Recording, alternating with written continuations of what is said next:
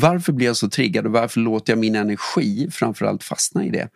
Eller att jag går och är förbannad på andra människor som jag egentligen inte förstår överhuvudtaget. Jag vet ju inte vad de har för presuppositioner eller vad de vill uppnå med sin relation eller vad det än må vara.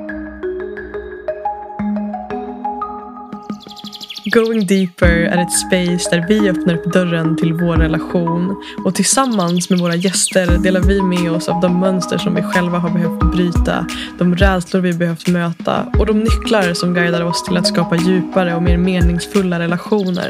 Vi är här för att ge nya perspektiv och tillsammans med dig vill vi gå djupare.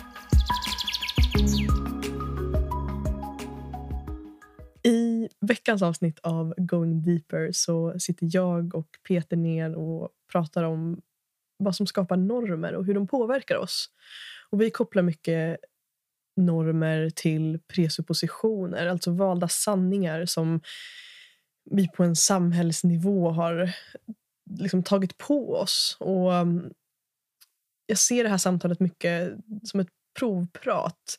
Och jag tror att du kommer förstå det, varför jag säger det när, när du lyssnar på, på vårt samtal. Vi hamnar på väldigt många olika spår och banor och reflekterar över just normer.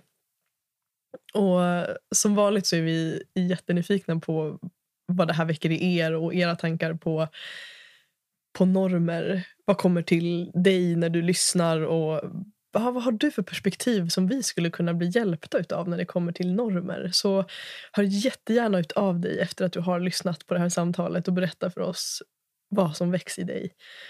Och um, ett annat sätt att hjälpa oss att sprida de här samtalen vidare är att dela med dina vänner, dela på dina sociala medier, tagga oss och kanske också faktiskt skriva en recension i poddappen där du lyssnar på det här samtalet det, det, hjälper oss, det hjälper samtalet att lyftas och att visa på att det, det är viktiga perspektiv som vi pratar om. Och um, Vi är också så enormt tacksamma för all den feedbacken och responsen som vi har fått sen vi lanserade segmentet Going Deeper. Vi märker ett enormt behov och intresse av att lyfta den här typen av konversationer och det värmer verkligen våra hjärtan. Så um, Tusen, tusen tack för att du är här med oss. Hej! Hej! Du, eh, idag ska vi prata om någonting speciellt. Vad ska vi prata om? Ja, vi ska prata om normer och framförallt vad som skapar normer och hur de påverkar oss. Ja. Och det ska bli spännande. Och den är ju spännande. Vi har ju inte, vi har inte planlagt exakt och lite sådär vad, vad vi ska säga utan jag tror ändå att det kan bli ett spännande samtal. Mm. Men innan vi gör det, vad, vad, hur mår du? hur mår du tjejen? Hur mår du tjejen? Hur mår du? Um, hur mår hjärtat? Jag vet ju att du brukar säga det. Ja. Jag har inte riktigt känt efter så himla mycket eh, innan jag satte mig här. Eh, och... Um, det som kommer till mig nu är att jag känner mig ja, men jag känner mig lite pirrig inför det här samtalet. Därför att inför varje poddsamtal så brukar jag ju vara väldigt förberedd. Alltså jag är en person som gillar att ha struktur på saker. Jag älskar att följa flow men jag älskar också att ha struktur. För jag upplever att struktur för mig eh, gör att jag har lättare att också vara i mitt flow. Eh, och du utmanar ju mig lite i det. Därför att där är du helt på min motsats. Fast jag gillar ju struktur också. Men däremot mm. har jag svårt att gå in i detaljer med manus eller eh, sådana saker. Så att ja, jag förstår om jag utmanar dig. Ja, men precis. Nej, men jag tänker att struktur för mig är inte att ha ett manus utan snarare liksom att ha eh, staplar för det här vill jag prata om, de här frågorna vill jag ställa och så vidare. Och, så att vi skiljer oss ju ändå lite där. Och det är fint för att jag, jag får utmana mig i det. Och det innebär inte att jag måste hitta ett nytt sätt att göra det på. Jag kan fortfarande ha struktur. Men just idag så utmanar jag mig i att bara... Jag sitter helt tom just nu i min hjärna och vet inte alls vad vi ska prata om. och, och, jag tänker att det är det som är också meningen med Going Deeper. Att det ska vara ännu mer av ett, ett samtalsformat. Mm. Eh, där det verkligen... Eller min förhoppning är att det ska kännas för lyssnaren som att ja, dig som lyssnar att du ska känna att du är, är med oss här. Eh, så därför tänker jag att det är fint att vi inte har någon struktur. Exakt. Så det var ett långt svar men som sagt pirrig inför den här intervjun och hur jag mår så har jag de senaste veckorna känt mig ganska stressad. Jag eh, noterar och observerar att jag ganska sällan eh, brukar känna mig stressad. Men de senaste veckorna har jag känt att jag har haft lite för mycket att göra. Eh, och haft svårt att få ihop allt det i mitt huvud eh, och i mina dagar. Så det har varit jobbigt. Och sen så var jag på, jag känner nu att jag vill berätta om det. Ehm, att jag var på en behandling med en kvinna som du faktiskt connectade dig med. med Yes. eh, Anneli Hellström. Som också kommer faktiskt gästa podden lite här framöver. Men, men i alla fall så var jag på en behandling hos henne i veckan och kom dit eh, med all min stress och all min liksom, oro i kroppen. Och, och lämnade den behandlingen med en känsla av att liksom, allt hade sorterats ut i min kropp på något sätt. Att den här stressen hade totalt liksom disappeared. Vilket är helt fantastiskt. För ingenting har ju förändrats till det yttre. Jag har exakt lika mycket saker att göra men jag har ett helt annat förhållningssätt till det efter att jag var hos henne. Um, och jag tänker att jag lämnar det där. Jag behöver inte gå in mer på vad det var för behandling utan det kommer jag berätta mer om sen. Men, men det är jag väldigt tacksam över för just nu känner jag att jag har ett större lugn i min kropp. Mm. Och känner väldigt mycket tillit till att jag är på rätt plats. Och jag märkte ju skillnaden när du hade varit där också. Och det var ju jättespännande att se och höra det lugnet utifrån. Eh, din respons när du kom. Mm. Och då kände jag mig, även om jag var, kände mig ganska lugn, så kände jag att jag var super hypad. Jag var så igång. Fast jag egentligen inte var det. Men jämfört med dig så var jag ju det. Kände. Ja, Mm. och det är också i att vara i ett sånt lugn är ju också det kan ju vara utmanande att, att ha kommit från en sån typ av behandling eh, som jag fick av Anneli. Eh, som jag, hon jobbar, det kan jag nämna lite kort bara, att hon jobbar med, med shamansk healing. Eh, och att då komma ifrån det lugnet och vara i sån djup kontakt med sig själv och att sen liksom ge sig ut i den här fysiska världen är också eh, det kan ju bli ett hopp liksom. Och det märkte jag också när jag mötte dig att här, du var ju på en helt annan energinivå som blev nästan lite att jag kände mig, sa ju till dig till och med Ja. att jag kände mig yr. Eh, och jag tror det handlade mycket om att jag var på en helt annan frekvens. Ehm, så ja, det är spännande. Hur, eh, hur mår du idag? Ja, det är ju spännande att vi sitter och har den här, eller det här samtalet just idag. För att eh, igår var ju första gången på två år som jag egentligen var ute och dansade ordentligt här i Sverige. Och det var att jag hade årsträff med mitt friidrottsgäng. Vi är ett gäng med gamla gubbar, tänkte jag säga, gamla veteraner då. vi är ju inte så jättegamla tänker jag. Eh, men vi har hållit på med friidrott ända sedan i, när vi var runt 20 och håller fortfarande på. Och då träffas vi och sådär. Och det jag märkte, vi hade ju fantastiskt kul och, och så vidare. Och jag märker, och lyssnarna kanske också märker det, men på min röst. Jag har lite viskröst idag. Och jag är inte van att dricka eh, på det sättet längre. Eh, eftersom jag har dragit ner radikalt på alkoholintaget. Även om jag inte drack eh, så ofta förut och, och så kunde jag kanske dricka lite mycket eh, när jag väl festade tidigare och det gör jag inte längre. Eh, och igår blev det ändå några drinkar så att jag känner i rösten. Och eh, så att jag är väl, jag känner mig inte bakis men rösten och eh, där är jag kanske inte helt med. Så vi får se om hjärnan är med. Vi Men annars, dig i alla fall. Ja, exakt. Annars så känner jag mig, jag känner mig lugn idag. Väldigt lugn och eh, avslappnad. Även när jag kom hem hit så höll ju entreprenören som hjälper till och fixar det här på tomten med diverse saker. Eh, det hände ju att elen försvann och sådär. Och det är sånt, att ha ett litet hus innebär pula med massa små saker. Så att jag har nog inte hunnit landa här riktigt än. Nej. Så jag är nog på gång. Jag tror det blir så här att jag, när jag pratar så kommer jag landa. Mm. Och förmodligen bli ännu mer eh, närvarande och lugn. Så, så där är jag. Så Lite, fint. lite, lite varstans. Jag, Så jag hoppas eh, har eh, kanske lite förståelse för min röst idag. Jag hoppas att den hörs i alla fall. Det hörs. Nej, men jag tänker det är också fint det här med alltså, att hitta närvaro i samtal. Någonting jag tycker är fascinerande med poddformatet är ju att det blir ganska snabbt en, en, en annan närvaro än att ha ett samtal i, i det vanliga livet. Liksom. Mm. Eh, och Och ibland så går det väldigt snabbt att hitta till den närvaron och ibland går det, tar det lite längre tid. Yes. Och därför tänker jag också att de här incheckningarna är viktiga. För Mm. att det gör att vi hinner landa. Ja. Och eh, kanske också att lyssnaren hinner landa. Man Yes. kanske har slängt på det här avsnittet och sitter på, har sprungit till bussen eller vad det än kan vara. Och då är det fint att få, en, Ja. få landa lite. Om de inte nu funderar, kommer de aldrig igång? Precis, men man kan ju spola fram så det är deras Ex- eget problem. ex- det, det är faktiskt helt sant. Men vi kanske innan vi börjar prata också om normer och allt det, att eh, prata lite grann om eh, det som eh, har varit de senaste veckorna med tanke på att vi gick ut med Going Deeper. Och eh, kan vi säga i alla fall gick ut med vår relation mer offentligt. Kom ut ur Eh, garderoben. Ja, det är lite komma ut ur garderoben. Och vad reaktionen har varit. Vad, vad har vi mötts av egentligen? Om vi bara tar en kort uppdatering av det. Ja, men alltså det har ju varit helt enormt skulle jag vilja säga. Det vi har blivit bemötta av. Eh, en, en enorm kärleksvåg som jag tror att vi båda på många sätt behövde. Mm. Alltså att vi, det har funnits och det finns mycket rädslor i att stå upp för den här kärleken eh, i stunder.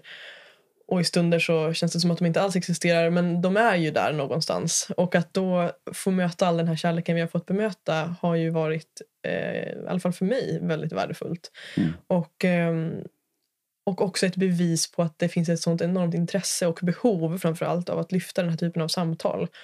Jag, ehm, jag har blivit bemött av framförallt många kvinnor som har hört av sig och berättat sina stories om hur, hur de har sökt sammanhang för att kunna prata om relationer som bryter mot mönster eller Mm. bryter normer eh, som vi ska prata om idag. Och att de har sökt aktivt och inte hittat sammanhang där det samtalsklimatet har varit öppet för Mm. det. Eh, och där kvinnor som då kanske själva till och med varit i relationer som på något sätt bryter mot normer inte heller har varit öppna för att prata om det för att det är så stigmatiserat. Så det har känts väldigt vackert i mig att få känna att det vi gör är väldigt viktigt. Mm. Det är viktigt det vi gör och hur obekvämt det än må vara i våra egna privata liv. Och det vi kan få bemöta i det också. Så liksom vikten av att, att visa på en annan sida av Mm. de här fasta normerna.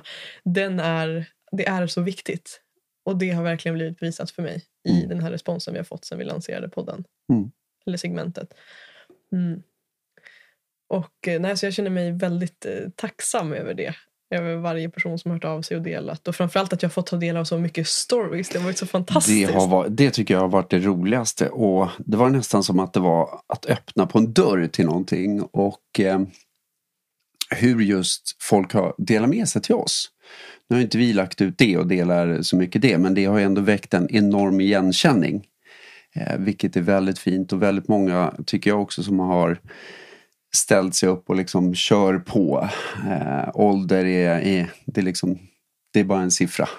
Eh, Det är kärleken som är det viktiga och så vidare. Så att jag är också väldigt fascinerad över hur många som har eh, verkligen ställt sig upp och sagt kör på.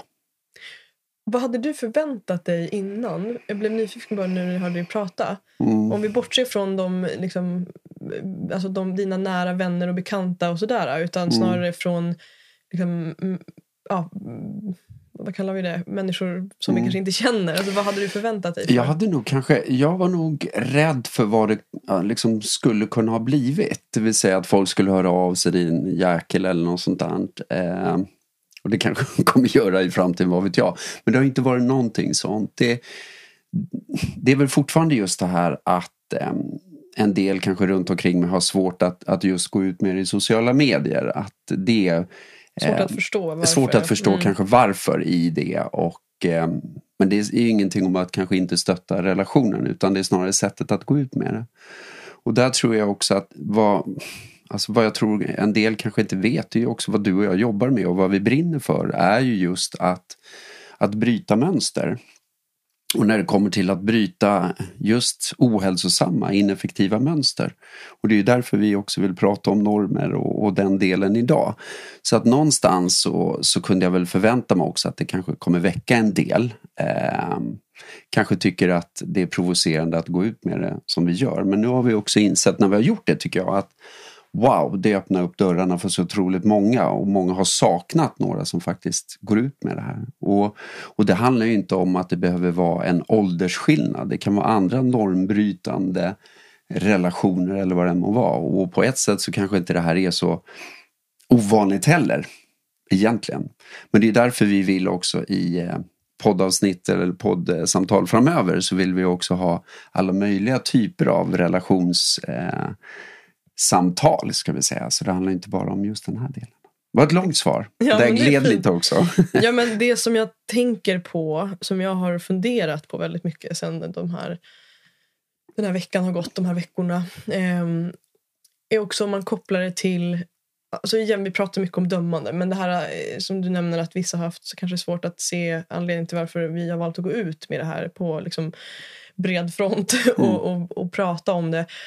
Um, att det har också funnits en rädsla i mig för att uppfattas som typ narcissistisk eller uppfattas som um, så här, att, att vi bär på något slags behov av mm. att typ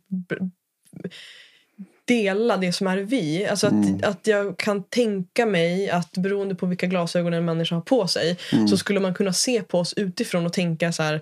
De gör det mm. för att de vill synas, de gör det för att de har ett stort bekräftelsebehov, mm. vad det nu än kan vara. Och Det har funnits en rädsla i mig för att uppfattas så. Och Det har ja. jag nog alltid gjort i att jag ganska tidigt valde att så här, jag vill dela med mig av mina tankar på sociala medier.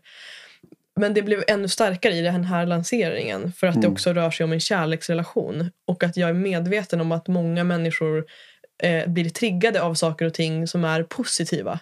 Mm. Alltså att vi går ut och delar att Åh vad vi har det. Mm. Liksom, fan vad lyckliga, fan vad lyckliga vi är. Ja, att ja. det, blir, det är för många en trigger. Ja. Och då vill jag väcka den, eller den reflektionen som har väckts i mig som jag också vill dela med mig av är just det här att vi alla har det har vi pratat om också med tidigare gäster, bland annat eh, Manuel Timane som gästade mig när vi pratade om de sex psykologiska eh, grundläggande behoven som vi människor drivs utav. Mm. Och, eh, och att vi där har, liksom, vi har trygghet, vi har variation, vi har samhörighet, vi har att bidra, vi har Utveckling, signifikans. Utveckling och, signifikans, mm. exakt. Där har vi mm. de sex. Och Variation. Att, det sa jag i början ah, okay. också. Ja. Så vi har de sex grundläggande behoven som till mycket ligger till grund liksom, till de beslut och de val och de vägar som vi väljer att ta som individer. Mm. Och utan att gå in för mycket på det så bygger ju liksom hela den teorin om de sex psykologiska behoven på att varje individ har två behov, två primära behov som driver vårt agerande. Mm. Och där är jag, är jag så förankrad i att min intention med att, att vi gör det här, att vi släpper det här, är att uppfylla mitt behov av att bidra mm. och utveckling. Mm. Det är två enormt starka drivkrafter för mig. Och ja. för dig också. Och det är exakt för mig också. Att ja. det, är, det är mina största, det vill säga utveckling och bidra. Exakt. Ja, absolut. Och där tänker jag också att jag, jag tror, eh, och en rädsla i mig är då att att, att bli dömd utifrån att det skulle vara kanske snarare signifikans som driver oss eller mm. någonting annat. Ja. Eh, och det är ju någonting som jag får jobba med för det är ju ingenting som någon annan kan ta ansvar över. Mm. Eh, och det är ju min rädsla och, mm. och så vidare. Och samtidigt känns det viktigt att dela den, det perspektivet på det. Mm. Att det här är vår intention. Ja. Och att det är viktigt att belysa att vi alla människor gör ju saker baserat på olika mm. intentioner. Eller Exakt. drivkrafter, vad ja. vi nu väljer att kalla det. Och det kan ju också vara fine om det skulle vilja vara så att vi vill synas på det sättet. Kan vi också Exakt. tycka. Även om inte jag känner att det är det som driver mig heller. Och det är som jag brukar säga, nu har jag jobbat i, vad blir det, i 24 år med utveckling och samarbete och kommunikation i grupper och organisationer. Och det, jag tror förut när jag var yngre kanske jag mer ville att de skulle komma ihåg mig. Och det var föreläsning att jag skulle vara mer en estradör och stå på scen och så vidare. Men det, nu kan jag mer eh, tycka att det är viktigare eller kännas bättre om det händer någonting i huvudet på dem eller deltagarna eller att de gör någonting än att de kommer ihåg mitt namn eller att Peter gjorde si eller så. Så för mig är det mer att kanske titta på grepp som gör att det skapar mening, det vill säga att det händer saker. Och det är därför, jag är ju som sagt var, det här med poddandet har ju varit ganska nytt för mig förrän för ett år sedan när jag började bli intervjuad i en del podd, podcasts. Och eh, jag insåg att det är ett förträffligt, eh, det är ett förträffligt media att nå ut. Eh, så jag, jag gillar ju det. Ja, men, Och, det, och, det. och för mig är ju det här också bara... För ibland tror jag att en del kanske glömmer bort vad, vad är det jag brinner för, vad är det jag jobbar med. Och jag vill ju väcka människor i egna kommunikationsmönster. Jag vill väcka människor att börja förstå sig själva på ett annorlunda sätt. Kanske också ifrågasätta invanda mönster eller saker jag bara tar efter en förälder. Eller jag gör saker men jag inte funderar på varför jag gör det. Det tycker jag är spännande. Så att för mig går det här bara helt i linje med det. Och en annan, ett annat perspektiv på det. Och jag märker att jag är verkligen en person som är jag är verkligen en person som är fylld av liksom, paradoxer. Det finns ett svar inom mig som säger en sak och sen finns det ett annat svar som säger något annat. Mm. Så nyligen, nyss för en minut sedan innan du började prata så sa jag att det, vi inte drivna av signifikans, eller jag Mm. inte är det. Och sen inser jag när du pratar att så här, det är ju helt fel formulerat, för det är klart Ja. att jag är det. Ja. Alltså, jag tror att alltså, teorin här om, mani, eller om de sex psykologiska behoven bygger ju också på att vi alla har alla behoven i Exakt. oss. Ja. Frågan är bara vilka som primärt driver oss. Mm. Så att självklart så fylls ju ett behov i mig av att, av att, att jag, alltså på något sätt så att jag får skapa bidrag, alltså Mm. det som bidrar. Ehm, skulle till exempel jag driva den här podden i namnet av ehm, en organisation som inte var jag så kanske det inte skulle vara lika meningsfullt. Nej. För att en del av det är signifikansen av att jag får bidra. Exakt. Så att det ska jag inte heller sticka under stolen med. Så det jag ville komma till var nog mer eh, det. Att så här, vad är den primära drivkraften? Så ja, nej, det var bara spännande att den reflektionen kom när jag hörde dig prata. Ja. För jag kan också bli allergisk mot det här liksom svartvita. Nej, jag drivs inte av det. Exakt. Jo, fast det gör jag, men inte Ja. kanske primärt. Ja, Precis. Och då är det ju inte fel menar jag heller. Nej. Utan jag tror igen att det är så lätt att vi hamnar i rätt och fel-tänk. Det är rätt, det är fel. Nej, kanske mer vända på det och tänka så här, vad är det som funkar? Jag tror det behöver vi mer av i samhället. Mer fokus på vad funkar, vad funkar inte. Mindre på rätt eller fel. Exakt. Och det är då jag tror också vi får en annan typ av samhälle. Yes. Om vi går till det här med normer då. Vad fan är en norm? Alltså vad är en norm? Och det roliga är då, då tar jag ju fram här direkt innan vi börjar för att jag valde faktiskt att slå upp i Svenska Akademins ordbok. Mm. Då står det så här norm och det är av den latinska formen norma eh, 1606, alltså det här är tillbaka i tiden då. Eh, då står det så här regel, princip, förebild och speciellt det här då. Mönster varefter man i sitt handlande rättar sig. Och sen finns det en också, bör rätta sig. Rättesnöre, måttstock för bedömande. Ja, Just det. Och då... ja, Vart börjar vi med det? Det som jag direkt blir så här, det kliar i min kropp är bör. Vem, har, vem Yes. är det som bör och vem är det Yes. som tycker att vi och bör? då, då skulle jag vilja göra en koppling direkt till att du gick ju en utbildning förra veckan. You got me. Yeah, I got you i, i Norge. Och då vet ju jag att ni pratade om någonting som jag pratade om tidigare i, i eh, tidigare podcasts. Och då har jag ju pratat om ett, då, ett samlingsbegrepp som det kallas inom kommunikologin och det är ju presuppositioner. Presuppositions på engelska, presuppositioner. Och då vet jag att ni har pratat ganska mycket om det. Och då blir min tanke så här, vad tar du med dig eller vad tog du med dig från den diskussionen och det kring presuppositioner? För då tror jag att vi kan, för för mig en norm är en presupposition. Och Eller därför... norm är byggd på en presupposition. Exakt, ja. Och när du sa bör rätta sig efter, okej, says who? Och så Mm. vidare. Men vad tog du med dig därifrån? För att ja, vi kanske kan tackla det från den sidan. Just det. Ja, nu sätter du mig på stolen här. Yes. Liksom, och eh, jag hamnar i en övningsram för att träna på att prata i de här begreppen som jag har gjort med dig nu i ett tid. Nej men skämt åsido, det stämmer. Jag eh, gick eh, modul 1 inom kommunikologin som är en utbildning som du också har gått för 24 år sedan.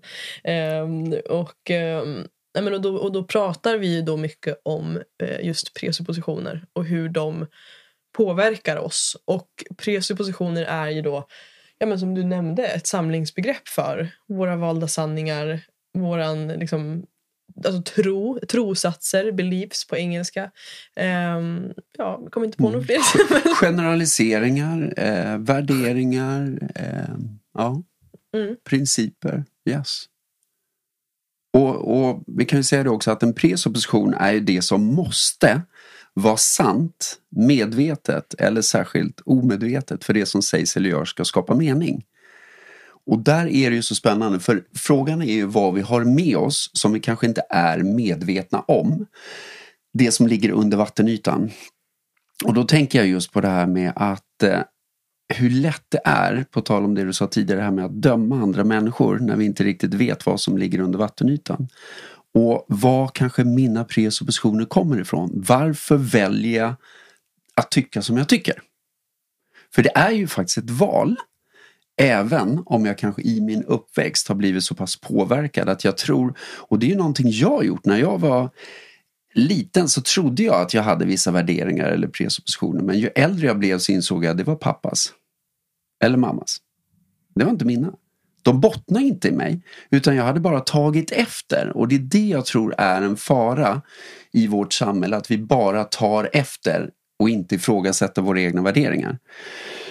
Det kan handla om min syn på invandrare, det kan handla om min syn på eh, åldersskillnad i relationer, det kan handla om vad som helst. Och då blir det för mig någonstans viktigt att, att haja till över, är jag ens medveten om vilka presuppositioner jag har om saker och ting? Och kanske också ställa frågan för mig själv, hjälper de eller skälper de?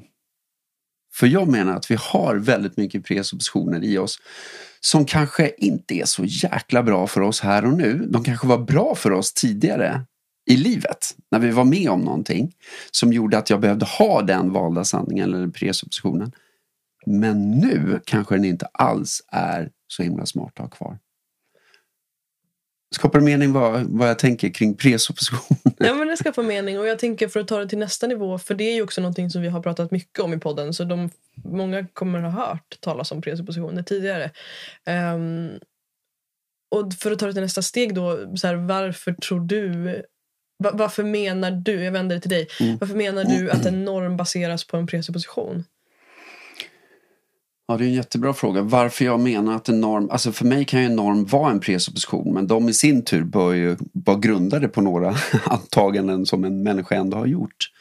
Eh, så jag skulle vilja säga så här att för mig så oavsett vad vi gör så agerar vi någonstans utifrån någon kärna av vår egen tro. Och det baseras ju ofta på vår omgivning. Alltså vilka omger jag mig, vilka umgås jag med? Eh, och för det, jag tänker så här att i ett samhälle så är det uppbyggt av flera individer.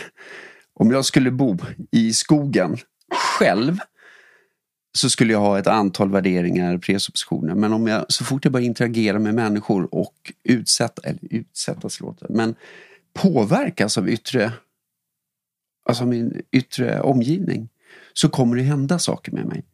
Och därför tror jag också att just det här att normer byggs ju upp i och med att ett samhälle tar form, att det utvecklas och att vi jag menar det utvecklas på ett sätt genom att vi också reser på ett annat sätt. Vi lär oss andra kulturer. Eh, det kommer människor från andra kulturer hit till oss, tänker jag.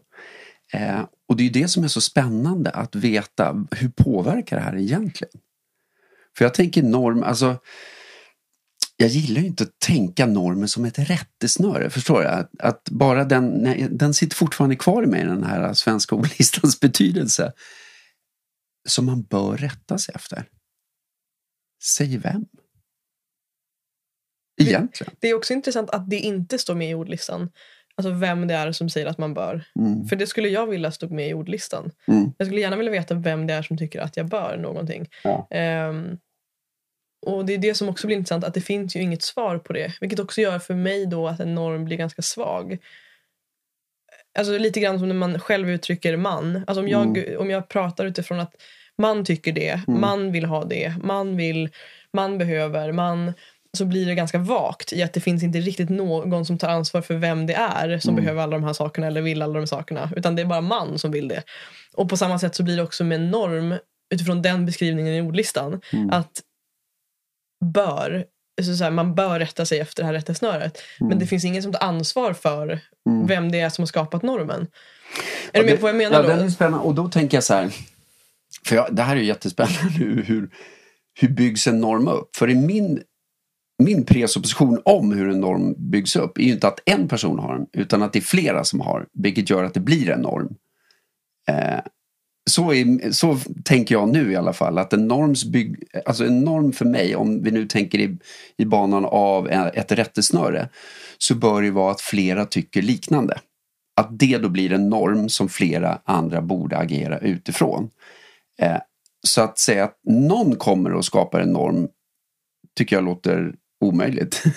Förstår du Ja, vad jag ja, menar? Precis, och det var inte det jag menade heller. Utan Nej, och det här, tror jag inte. Utan det bara jag märker vad som växer i mitt huvud när du säger de sakerna. Att hur byggs en norm upp egentligen?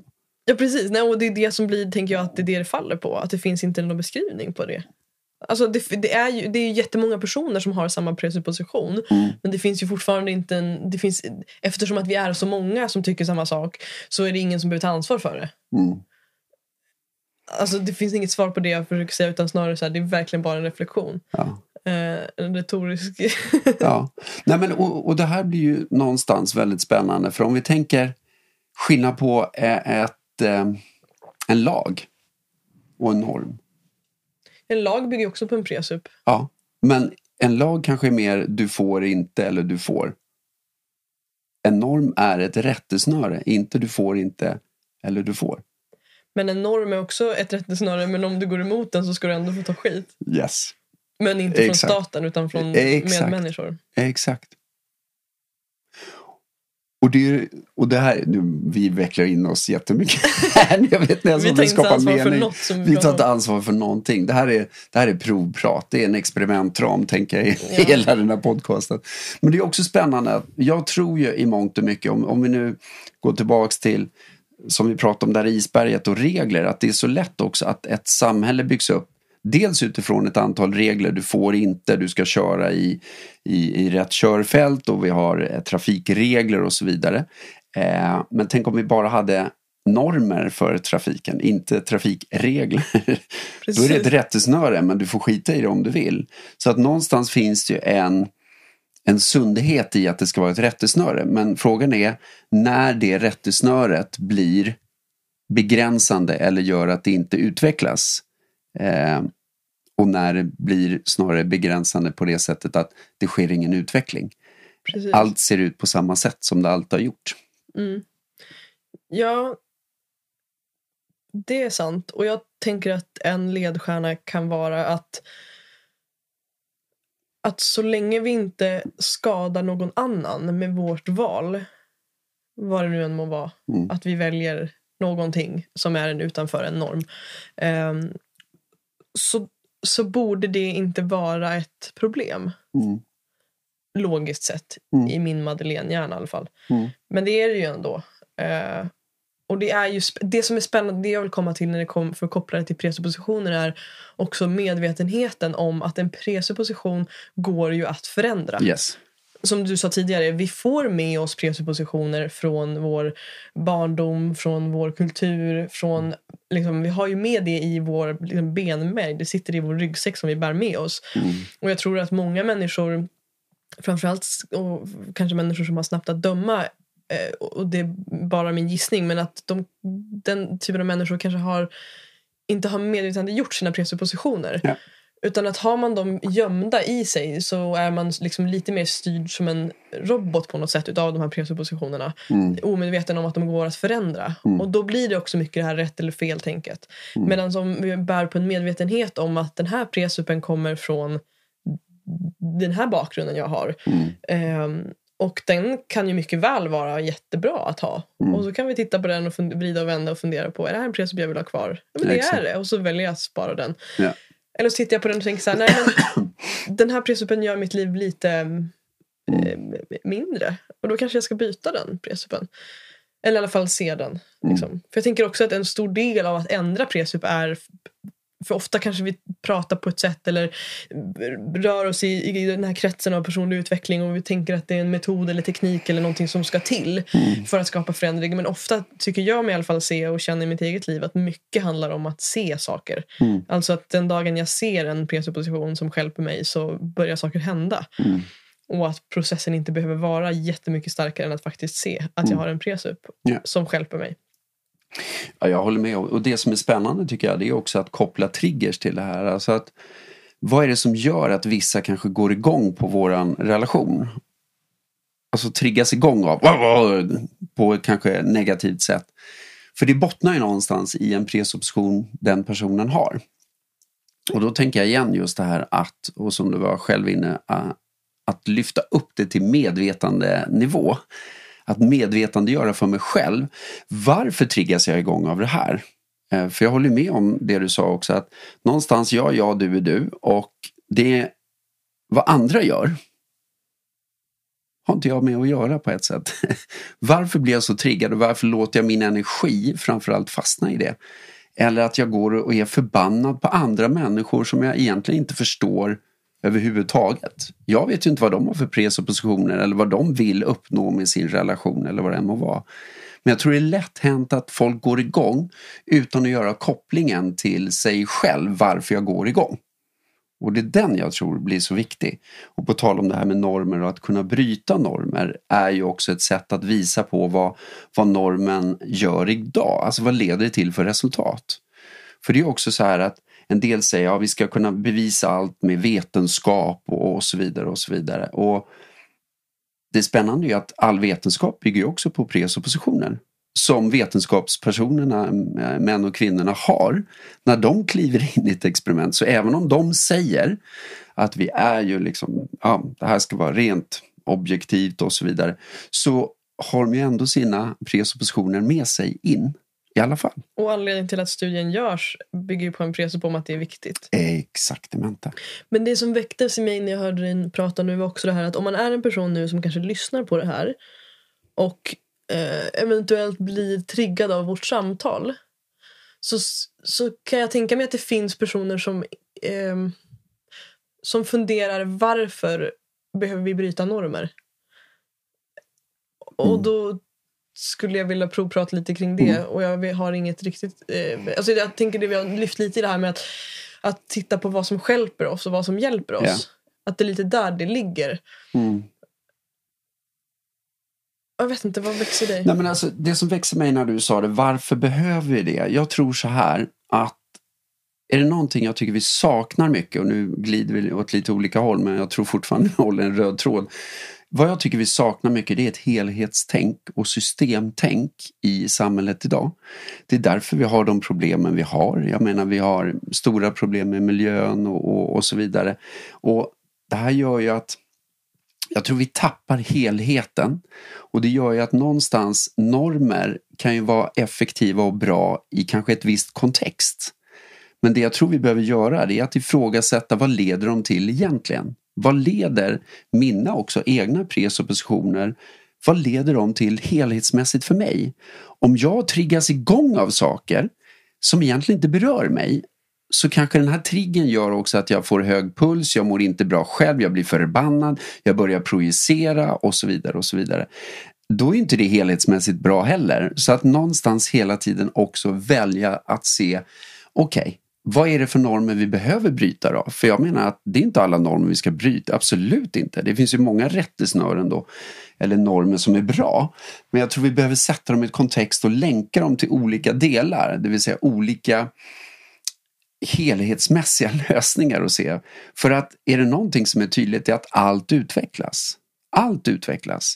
Jag menar, förr sa man att jorden var platt. Ja, sen insåg man att den inte var det. Nej, den är rund. Okej. Okay. Vi ändrar åsikter hela tiden. Och åsikter kan vi ha. Men också vad gör det med mig? Vad gör det med mig? Jag tänker grunden ligger i att frågasätta. Alltså, som du säger, att det handlar inte om att allt ska brytas eller förändras. Nej. Men att våga titta på normer eller presuppositioner och, och med ett nyfiket öga titta yes. på Mår jag bra av det här eller mår jag inte bra av det? Mm. Mår samhället bra av det här eller mår samhället inte bra av det? Mm. Mår mitt företag bra av det här eller mår mitt företag inte bra? Alltså på vilken mm. nivå vi än väljer att se det på. Mm. Och vem säger att Eh, vem är det som avgör om det är bra eller inte? Men någonstans tror jag att vi behöver också tänka helhetsmässigt även där. Alltså helhetsmässigt utifrån ett hållbarhetsperspektiv. För det kan ju vara bra i stunden eller det kan vara bra en kort men utifrån ett hållbarhetsperspektiv, ett, ett ekologiskt större perspektiv. Ja, är det bra då? Så jag tror att vi behöver ifrågasätta mer av våra presuppositioner, inte bara kring relationer utan kring mig själv, kring samhället i stort, för det är det som leder till utveckling. Och det är det jag menar att många, alltså många mönsterbrytande personer är ju de som också driver utvecklingen. Det tycker jag är häftigt.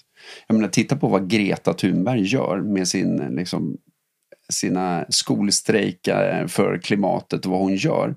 Hon har ju helt plötsligt satt eh, liksom, miljöfrågorna på agendan på ett helt annat sätt. Och det är ju inte för att hon, hon gick i skolan och liksom skötte sig precis som hon skulle göra utan hon bröt liksom, ett antal, skulle vi säga, normer kring hur man ska agera som barn i det här fallet. Ja, verkligen. Och där får man också se hur hon har fått bemöta väldigt mycket kritik för det. Yes. Att det finns många, och hennes familj också. Alltså jag tänker att det finns mycket presupar där också. Fördomar och dömande om att hennes mamma skulle pusha, men ta lite kolsyrat vatten. Ja, precis, jag tar lite. Det har det. Jag nästan tror att något annat. Ja, precis. Men det var kolsyrat vatten. Det var kolsyrat vatten. Nej, men att hon har fått bemöta väldigt mycket dömande. Och, och som sagt också hennes familj. Att, här, tron om att nej, men det, är, det är hennes mamma som pushar henne eller det är Mm. dittan och dattan. Och det är bara tillbaka igen till att vi behöver titta under vattenytan. Varför gör Greta det hon gör? Mm. Eh, och vågar vi titta där under så ser vi att det är djupt förankrat i, i hennes drivkrafter. Ja, som vi tror i alla fall, eller vi har hört. Precis, för vi kan ju sitta här också och spekulera i vad vi tror. Eh, och det är det jag igen vill vurma för, att, att våga ifrågasätta lite mer mina egna presuppositioner jag har om saker och ting. Men jag tänker, eh, hur kan man bryta presuppositioner då? Eller byta kanske jag ska säga egentligen. Vad skulle du säga om det? För att om jag nu kommer på mig själv sådär att oj, här, jag har en presupposition som jag inte är så nöjd med att jag har. Kanske om relationer eller åldersrelationer eller Åldersrelation. ja, åldersrelation. Nej, men åldersskillnad i relationer eller någonting annat. Vad, vad ska jag göra då? Om jag vill byta? Jag skulle säga koppla upp dig på din nyfikenhet. Yes. Alltså, jag är en person som alltid har varit nyfiken men jag har varit liksom omedvetet nyfiken. Och därför så säger jag koppla upp dig på din nyfikenhet för jag tror att vi alla är det. Mm. Eh, och det är liksom ett verktyg som vi har i, i vår verktygslåda. Men det, vi kan också välja att använda den eller inte använda det där verktyget. Så jag skulle säga att det är det första steget, att koppla upp dig på din nyfikenhet. Plocka upp det verktyget ur verktygslådan och damma av det. Liksom. Mm. Och fundera på hur du kan bli mer nyfiken på det som du dömer. Eller om det är en presupposition som gäller sitt eget liv. Alltså att jag, jag tycker att eh, alla män är eh, alla män är otrogna och alla män eh, förstör, säger vi. Mm. Eh, som jag tolkar att många kvinnor bär på den presuppen. Eh, har jag den presuppen så kanske jag behöver liksom, bli nyfiken på vart den kommer ifrån också. Mm. Eh, så jag skulle säga att nyfikenhet är det första verktyget. Mm. Vad tänker du nästa steg? Jag älskar ju att börja i nyfikenhet och någonstans så tänker jag så här att du har ju också ett antal presuppositioner tror jag om livet som hjälper dig så mycket i och med att du är nyfiken. Och presupp om att nyfikenhet är bra. Exakt, och det har jag också, alltså absolut. Och jag tror ju någonstans att ett nästa steg är ju kanske att skriva ner för mig själv vad jag har för presuppositioner idag och vad de gör med mig. Eh, för jag tror just det här omedvetenheten om mina egna presuppositioner. Eh, den tror jag behöver först tydliggöras. Sen tänker jag ett annat sätt att ändra presupp är ju att liksom bada sig i nya perspektiv. Yes. Och då kan ju det vara i form av att eh, lyssna på poddar. Eh, det kan vara att lyssna på eh, Youtube har fantastiska kunskapskanaler där man kan Liksom, eller kunskapskanaler behöver det inte vara heller. Det kan ju vara vad som helst. Eh, har jag en presupp om att män är dåliga så kanske jag behöver lyssna på kanaler som pratar om mansarbete. Eller, Mm. eller, eller prat, lys, liksom, intervjuer med män som gör ett jobb med sig själva. Så att jag Mm. behöver lyssna på samtal eller se människor. Mm. Eh, eller så har vi kanske människor som kan hjälpa oss med det här i vår vardag. Att vi kan knyta nya vänskaper som Mm. bevisar för oss att det finns andra exempel. Det finns män, nu fastnar jag vid det exemplet om att Ja. män är dåliga. Men eh, att jag kanske behöver skapa manliga vänskaper där, Mm. där männen är hälsosamma födrar, fadrar, fa, fadersfigurer. Ja. Ehm, och att de eh, behandlar sina fruar väl, till exempel. Ja. Alltså att skapa ett kontext för att, att vidga våra, vår, våra vyer Mm. för alltså det som vi tidigare har upplevt. Jag gillar den och jag skulle vilja länka till den också just det här att, att modellera andra för att få de nya perspektiven. Att kanske där är någon människa som har, verkar ha presuppositioner som jag skulle vilja ha själv. För det jag tror just det här också att, att utsätta sig för eh, att ta in andra perspektiv. Det tror jag är det bästa sättet att jobba med att faktiskt förändra mina presuppositioner jag inte vill ha. Och det är därför jag också någonstans tror det här med att, att resa runt och träffa andra kulturer, andra människor, andra länder. Det har hjälpt mig att förstå på ett annat sätt, vilket har, har gjort att jag har andra presuppositioner. Och jag tror att lätt annars är att vi sitter liksom och, och ska försvara vårt och nej, och, och då har jag min sanning och det är den enda sanningen. Eh, jag skulle säga att det, alla har ju sin sanning, vilket blir mer spännande. Jag tänker också att hjärnan, alltså rent, och jag ska inte prata om hjärnan på något biologiskt sätt så, men hjärnan är ju ändå gjord för, alltså den, den, den är ju gjord för att någonstans hitta det som stämmer överens med det vi tror på. Mm. Så hjärnan gör ju allt i sin makt varenda sekund för att vi ska hitta bevis på att det är sant, det vi Mm. tror. För att vår verklighet ska bli lite mer bekväm. Yes. Så det kan man också ha i åtanke, att hjärnan funkar faktiskt på det sättet. Yes. Vilket innebär att ju mer vi står upp för att vår åldersskillnad, ja det är inte något konstigt, desto mer kommer vi också bemöta människor som håller med oss. Alltså Ja. att vi letar efter bevis på att det är rimligt. Liksom. Exakt. Ehm, så det tänker jag också att man kan påminna sig själv om att vilka människor tillåter jag i mitt liv som faktiskt har andra åsikter än jag? Ja. Att det också är, är viktigt att lyfta in det. Mm. Ja, och det är ju någonstans tycker jag att det är väl en superviktig bit att, att verkligen kunna lyfta in andra perspektiv, att lyssna in på andra. Så att inte jag bara har jag-sägare som tycker exakt samma sak som mig runt omkring mig. För då sker det ju inte så mycket utveckling. Att våga göra det. Och sen tror jag också att när det kommer till att för att byta presuppositioner är det viktigt också att tydliggöra vilka har jag haft och vad de gett för resultat. Vilka vill jag ha istället? Och att i det försöka bygga upp någon slags eh, tydlighet och så att det blir substans för mig själv i en presupposition. Om jag nu, jag vill ha, om vi bygger ditt exempel att, att män är snarare, du sa att män var, vad sa du kallar det? Vadå? Du hade en presupposition där du bara drog exempel med män. Men Ja, men att alla, alla män är otrogna säger vi. Ja, och de säger så här att de flesta män är trogna och eh, vad det nu än må vara. Hur vill jag bygga upp den presuppositionen? Vad behöver jag göra för att den ska bli sann för mig? Eh, vilka människor är det jag behöver omge mig med? Vilka är det jag behöver lyssna in på för att den ska bli sann för mig?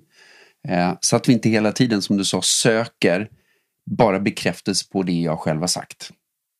Så att någonstans kan jag tycka att om vi går tillbaka till det här med normer igen och vad som skapar normer och rättesnöre så blir det ju snarare att, att lyfta diskussionen om saker och ting tror jag är det viktiga. Det vill säga att, att ta lite av det här metaperspektivet från sidan eh, och titta på diskussionen i sig. Eller titta på en norm i sig. Vad gör den? Istället för att titta på fel eller rätt i en normdiskussion. Att titta på själva diskussionen i sig och vad den leder till och vad normerna leder till. Exakt. Och jag tänker att det, alltså det, det blir på ett sätt som... Vi pratar ju också nu om, om presuppositioner på väldigt många olika plan. Yes. Vi pratar om presuppositioner i individer, vi pratar om presuppositioner i normer. Så det blir lite sådär att vi kanske inte ger något handfast konkret tips beroende på vilken norm vi menar. Och en, en sak tänker jag Alltså om man tänker sig den medvetna hjärnan den lär sig av att vi, så här, vi ser någonting en gång, vi hör informationen och så lär vi oss. Men att den undermedvetna hjärnan eh, lär sig eller avlär sig, alltså så här, skalar Mm. bort saker genom, det behövs väldigt mycket repetition för att det ska ske. Mm. Och då tänker jag också att där kan ju också det klyschiga som affirmationer till exempel vara ett konkret tips om man till exempel har en låg självkänsla. Just. Eh, och då, där kan man ju tycka vad man vill om affirmationer. Och man kan ju skapa olika typer av...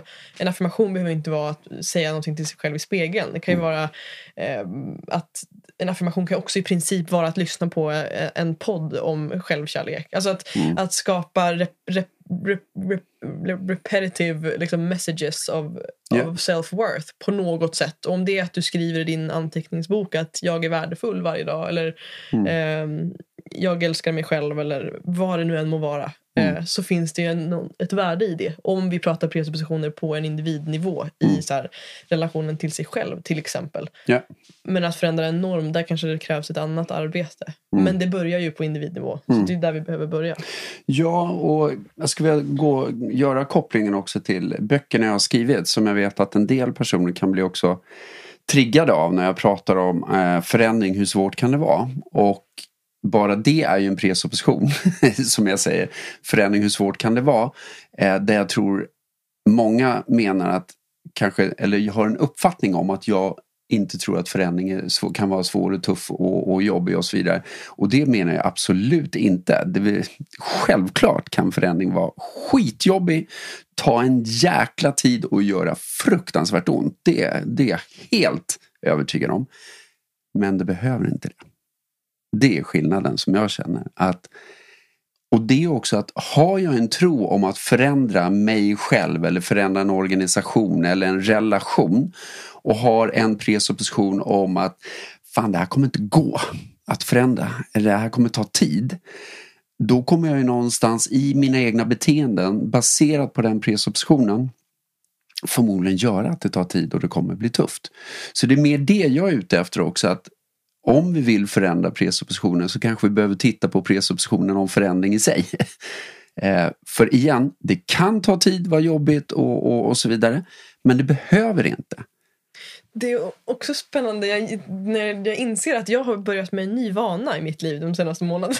Berätta. Och det är är något- att det verkligen så här supermedvetandegöra. Alltså när, när, när någonting händer i mitt liv som är det behöver inte vara något stort, typ som när jag var på den här behandlingen med Anneli som jag Mm. berättade om i början av avsnittet. När jag gick därifrån så var det som att jag verkligen super med, alltså jag sa till mig själv liksom att jag väljer en presup om att jag inte, kommer, jag inte känner mig stressad. Eller jag kommer inte ihåg exakt meningen men jag väljer, jag väljer en presup om att jag måste hitta den vad det var jag sa. Typ jag väljer en, en presup om att jag är i tillit och trygghet. Mm. Och det var som att jag kände att så här, det fanns tillfälle för det för att jag kom ifrån eh, en behandling. Mm. Och det var samma som när jag, eh, när jag kom från Oslo så var det också att jag så här, jag väljer en presup om att, om att, eh, om att eh, saker har skiftat inom mig. Mm. Alltså att jag, kan, jag har det samtalet med mig själv. Liksom. Mm. Och det gör också att det, det skapar, jag är helt säker på att saker har skiftat i mig sen jag var på den här utbildningen. Mm. Men vad vet jag inte. Men jag har ju valt presupen. Exakt. Och det har jag inte gjort tidigare på det medvetna sättet. Det, Mm. jag inser nu, de här två exemplen jag tog nu, det, det har Ah, varit på en sån super... Verkligen i dialog till mig själv, att jag Mm. aktivt har valt en ny presup. Mm. Och det är häftigt att, att du är medveten om det och att du faktiskt gör det. För det är det jag tror också att, att aktivt ta det. Alltså ta det beslutet.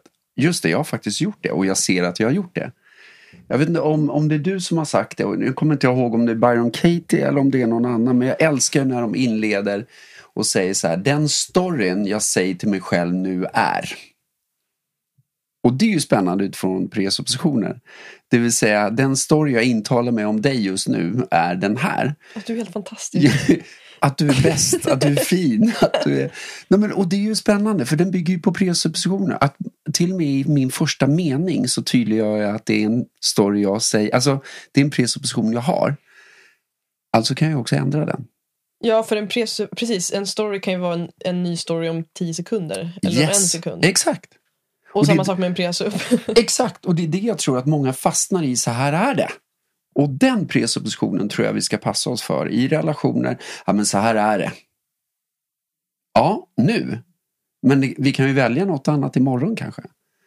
Och det är det igen, jag, jag älskar någonstans att hela tiden våga ta observatörsrollen av mig själv eller av en relation. Och det är det jag tycker du och jag är bra på att göra. Att faktiskt observera inte bara oss själva utan den andra också. Och relationen i sig. Vilket blir superspännande tycker jag. Verkligen. Och för att ta det tillbaka nu till normer. Jag blev nyfiken nu när jag hörde dig prata. Finns det några, alltså för att ge några exempel, för jag tror vissa kanske blir lite så här konfunderade i vad, vad det är vi pratar om för normer. Och jag vill inte bara fastna i det här med åldersskillnad. Nej. Så finns det några exempel på normer, ehm, eller presuppositioner, Mm. generella presuppar, Mm. om saker som är alltså rent i hur vi lever alltså i sam, på här samhällsnivå. Mm. Som vi inte kanske är medvetna om är en norm, men som är en norm. Är du med på min Mm. fråga? Mm. Tänker du specifikt kring relationer? Nej, då, inte alls. eller? Utan vad som helst. Liksom. Det skulle kunna vara... Nej, men det, det är jättespännande. Medan du tänker, eller vill du säga Nej, direkt? fortsätt. Så tänker jag också så här med, om vi bara tar relationer tidigare och jag tänker på vad, vad religion ändå spelar för stor roll när det kommer till normer och, och rättesnöre. För det är ju också det här att, att bara tänka på sex före äktenskapet förr i tiden var ju inte att tänka på. Det var liksom, och det blev ju en norm någonstans. Att det var inte en regel att du får inte ha, men det blev snarare en norm, ett rättesnöre. Och då blev ju den här svenska ordlistan du bör inte, tror jag. Nu existerar ju inte den längre. På det, ja, för några, sorry, jag ska inte säga att den inte existerar. För några gör det det säkert fortfarande. Det gör det absolut. Ja. Det, ja. Ja, men för många gör ju inte det. Och då tänker jag igen det här med att samhället utvecklas ju och så behöver vi också göra. Och då tror jag att vi behöver ifrågasätta just de normer som finns idag. Och vad vill jag säga med det? Jag undrar hur många gånger vi har sagt hur, vilka normer som finns idag. Utmana vilka normer som finns idag. Ja. Eh, så vilka normer finns idag? Ja, men jag tänker till kommer till- exempel så här, eh, eh, en norm om att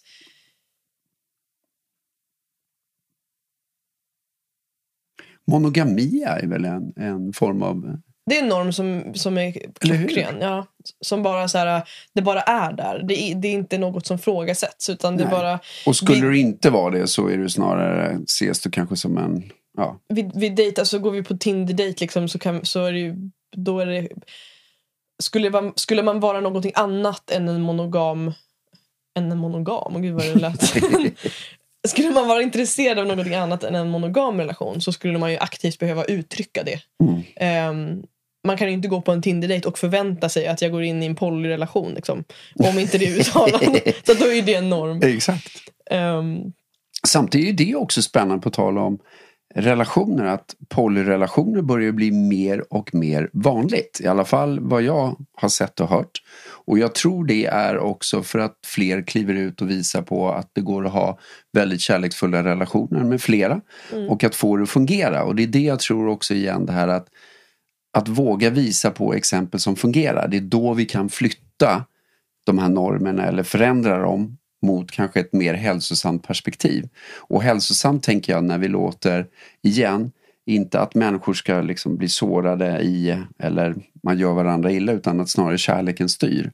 Eh, vem ska då bestämma hur min kärleksrelation ska vara? Oavsett om, om jag lever med flera i en kärleksrelation eller om ålder eller om det är samma kön. Det spelar väl ingen roll, tänker jag.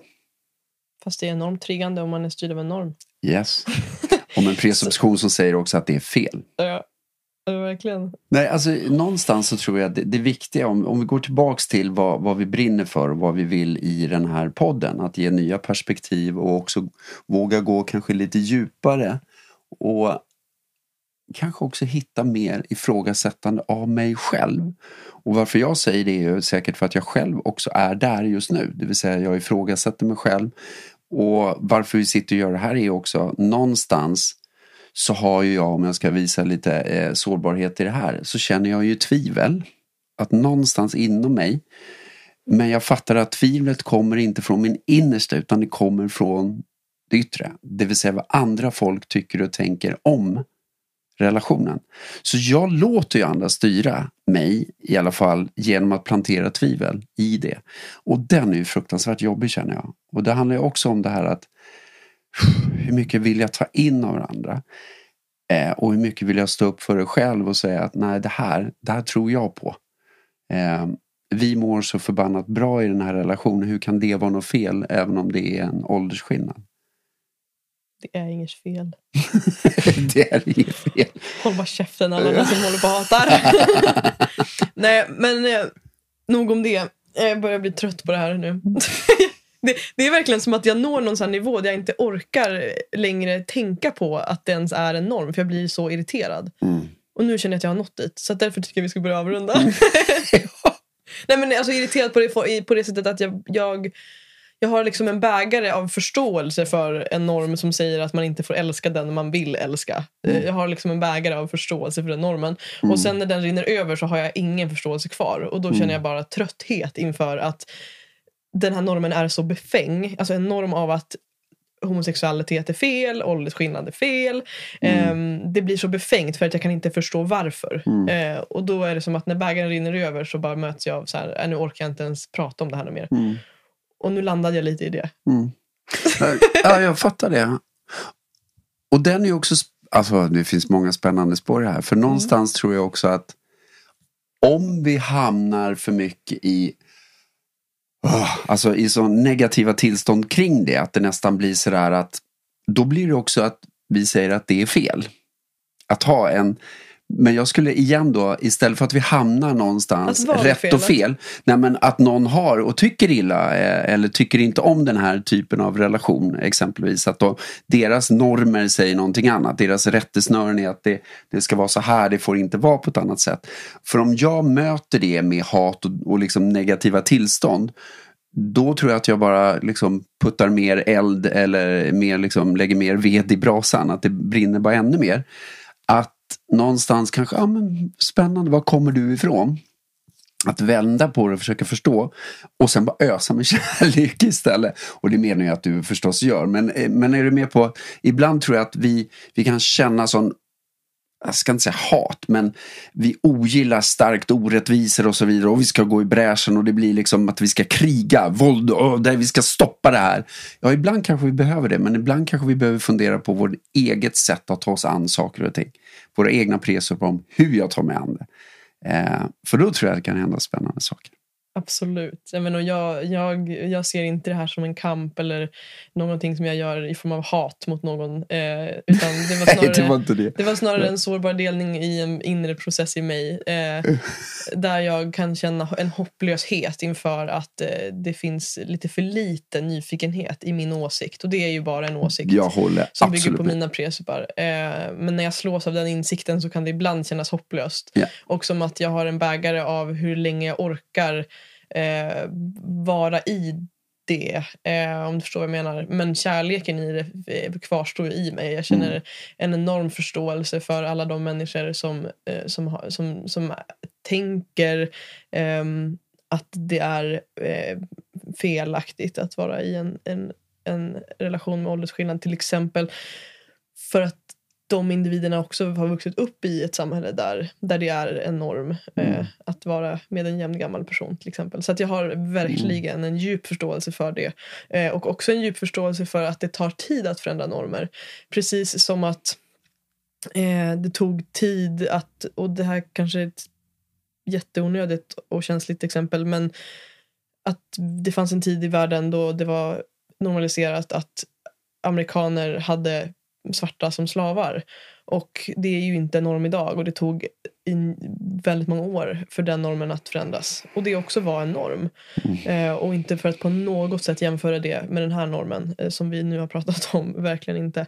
Men bara just det här att det tar det kan ta århundraden innan en norm förändras. För att det är väldigt många, det är massor av människor, alltså massor som i form av en massa, ehm, som behöver förändra presupar. Så att med all respekt för att det, det är ett, ett, tid, eller ett arbete som behöver ske över tid, en förändring som behöver ske över tid. Ja. Ehm, och också med ett inslag av den presupen du har om att ja, men det måste inte ta tid. Men jag Mm. tror någonstans att med respekt för att det kan ta tid. Yes, exakt. Och att människor inte förändras över en natt i de presuparna. Ja. Ehm, ja, så lite där. Mm. Ja, jag håller med. Och, och det spännande är tror jag någonstans att, att tänka att vi är i ett presuppositionsskifte. Och där vi skiftar och vi behöver göra det tror jag för att den här planeten ska överleva. Och då tror jag att vi behöver börja med oss själva. Att vi behöver göra våra presuppositionsskiften för oss själva.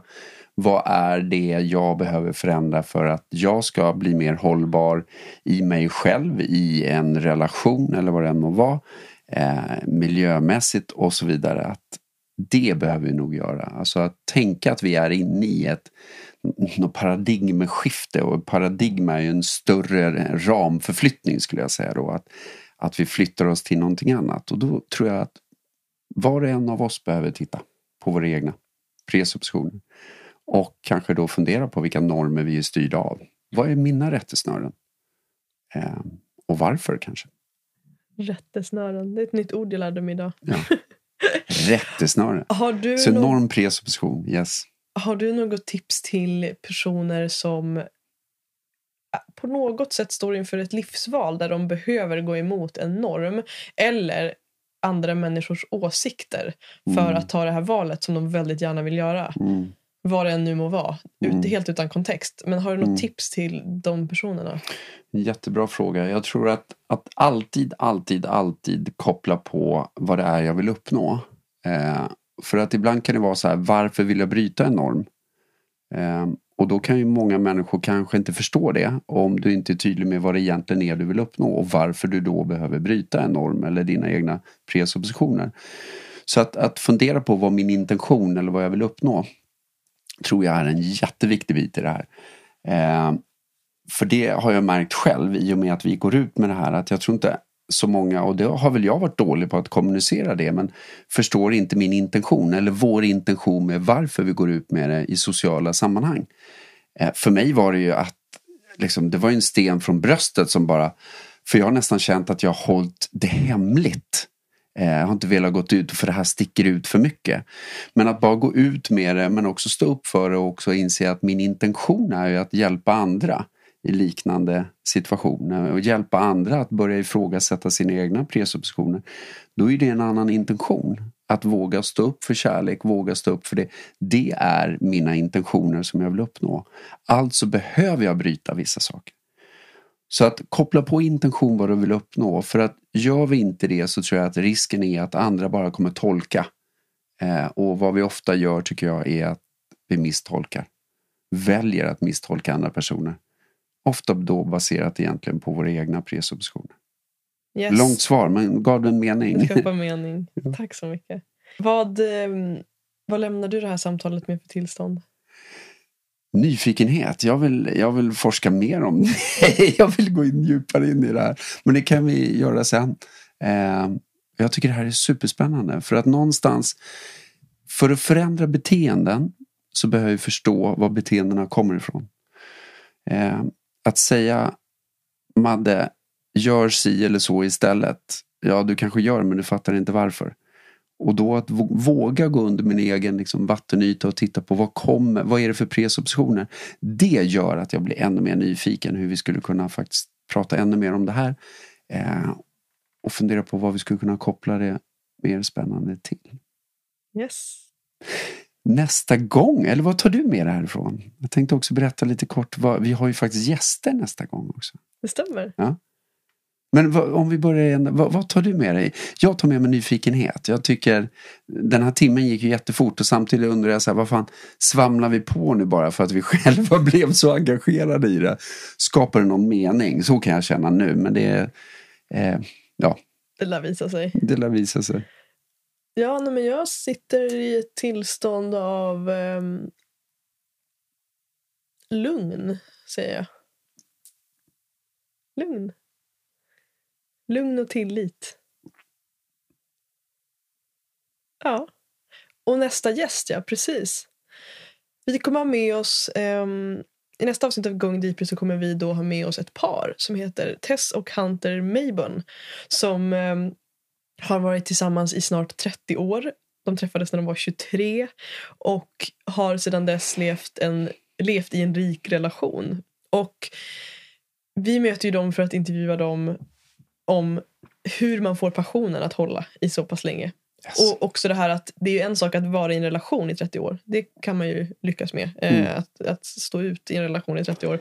Ehm, men vad krävs det för att bevara och liksom ut, utveckla passionen och lusten inför varandra i så pass många år. Så det kommer komma i nästa avsnitt av Going Deeper. Och de är ju dessutom också parcoacher, vilket är spännande. Så att dels pratar de utifrån egen erfarenhet men också vad de har stött på hos andra. Exakt. När det kommer till par. Och de kommer ju också komma med några konkreta eh, idéer om hur man kan faktiskt få passionen. The passion. Exakt. Att glöda ännu mer. Fint. Tack för oss. Exakt. Tack. Hej Tack till dig som har varit med oss idag. Vi är så nyfikna på hur det här landar i dig.